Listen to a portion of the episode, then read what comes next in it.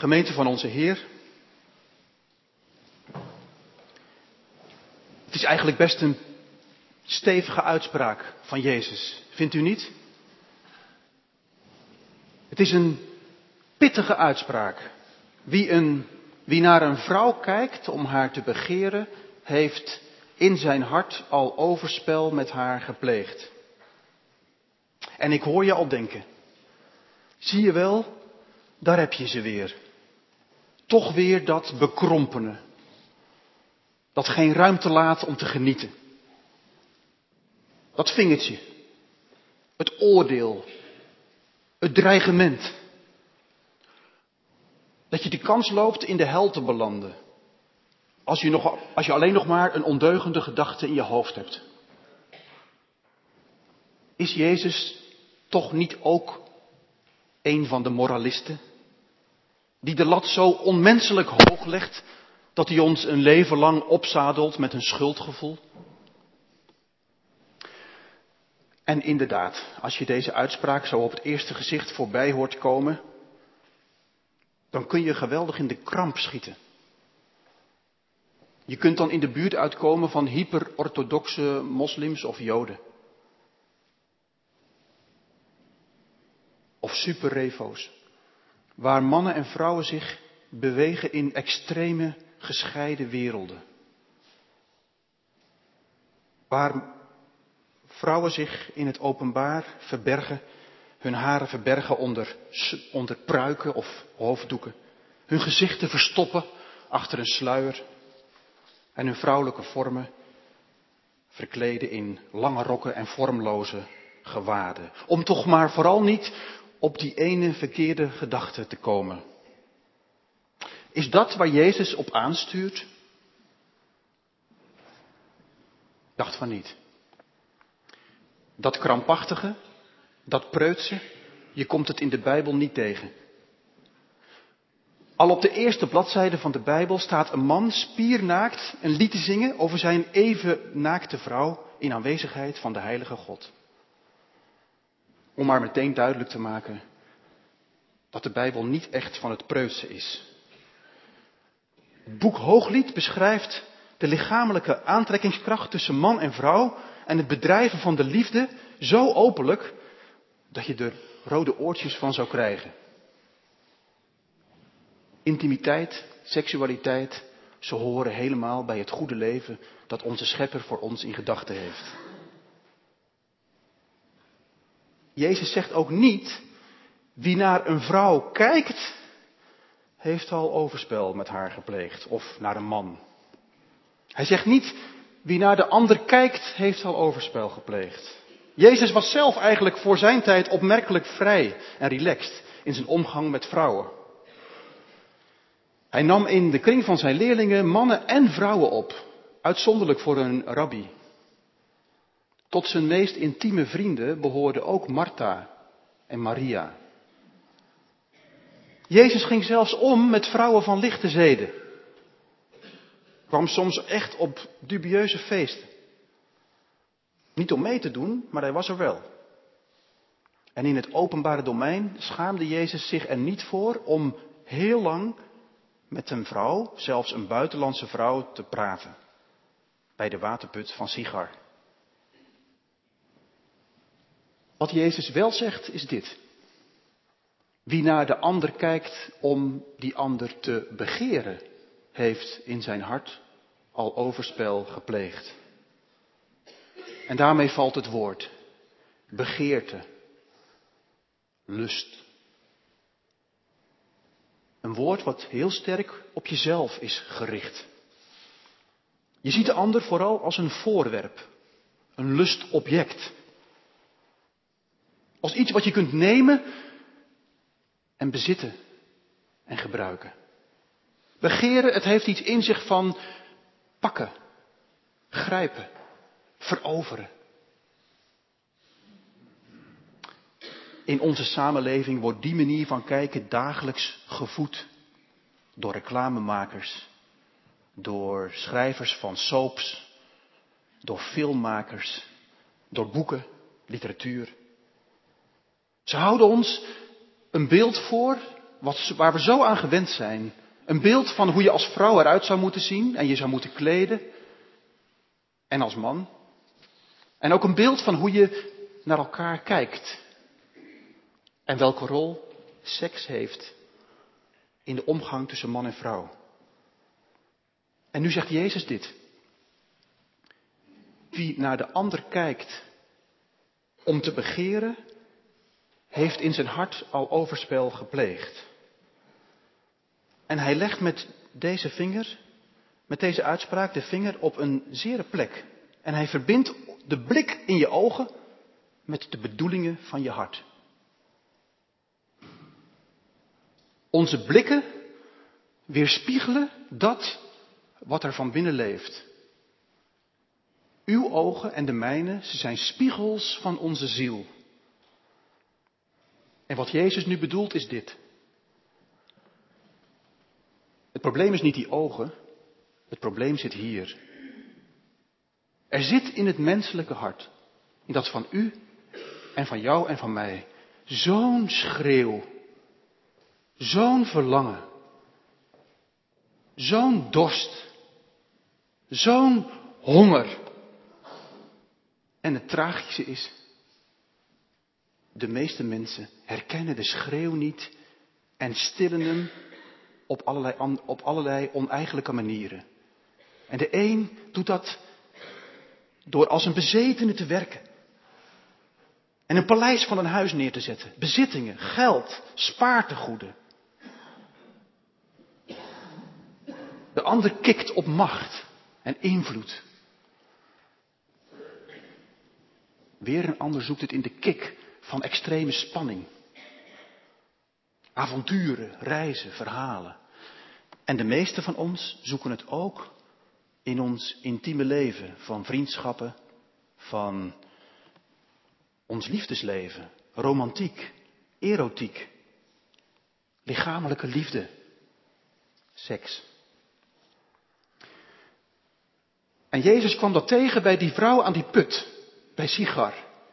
Zij had vijf mannen versleten en was nu aan de zesde bezig. En Jezus zag die schreeuw in haar leven, die dorst en dat verlangen. En hij zag die vrouw tobben, omdat ze de schreeuw niet herkende en niet peilde in haar diepte. En de een naar de andere man versleet en er doodongelukkig van werd. En nog steeds dorst had en nog steeds honger.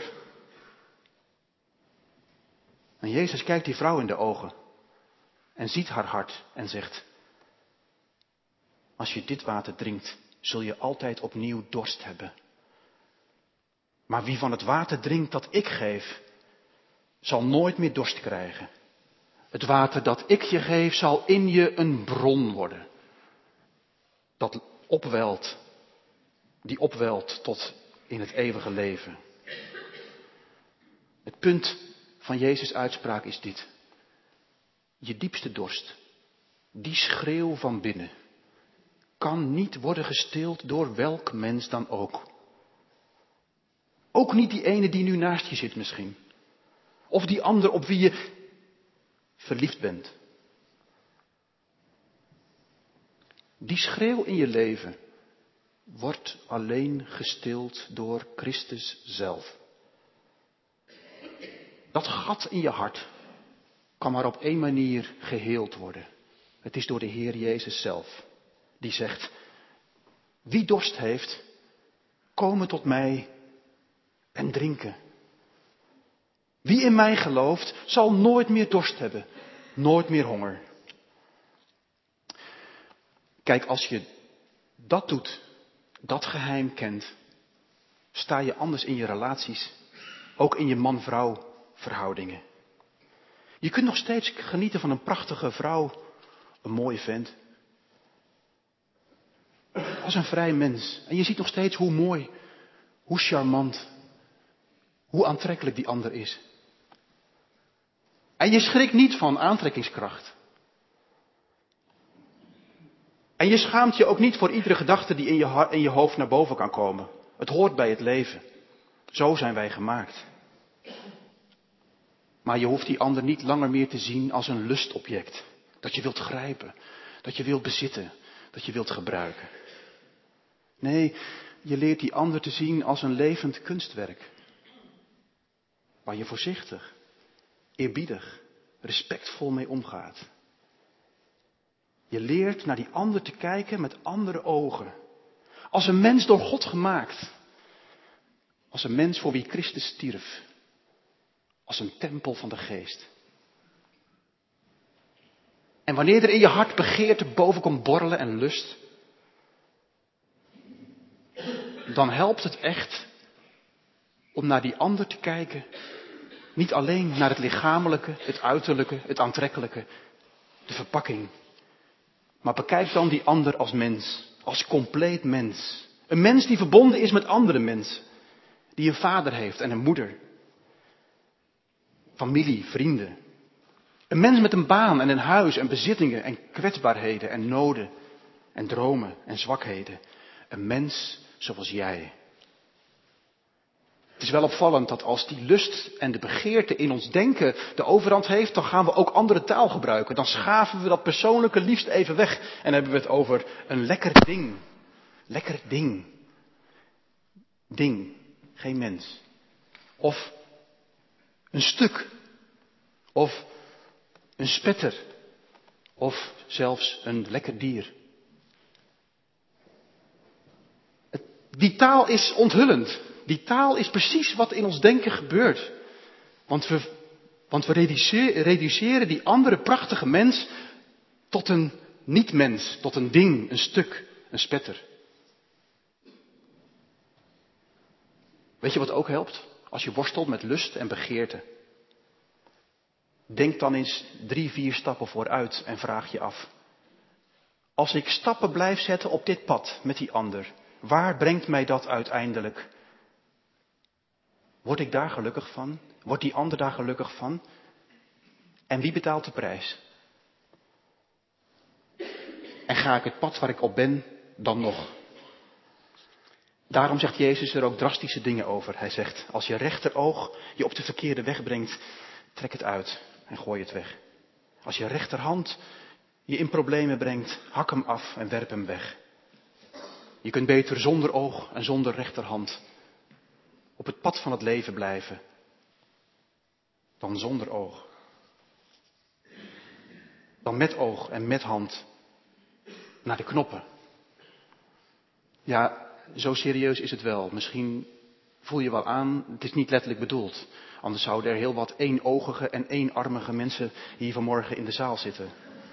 Het zou een wonderlijk gezelschap zijn. En al zou je het doen, ik zou, don't try this at home. Eh, doe probeer dit niet thuis. Maar als je het zou doen, dan zou je merken, oké, mijn oog is eruit en mijn hand, maar de lust is er nog steeds. Misschien nog wel sterker. Het is wel een aansporing. Een aansporing om radicale keuzes te maken. Waar kijk jij naar?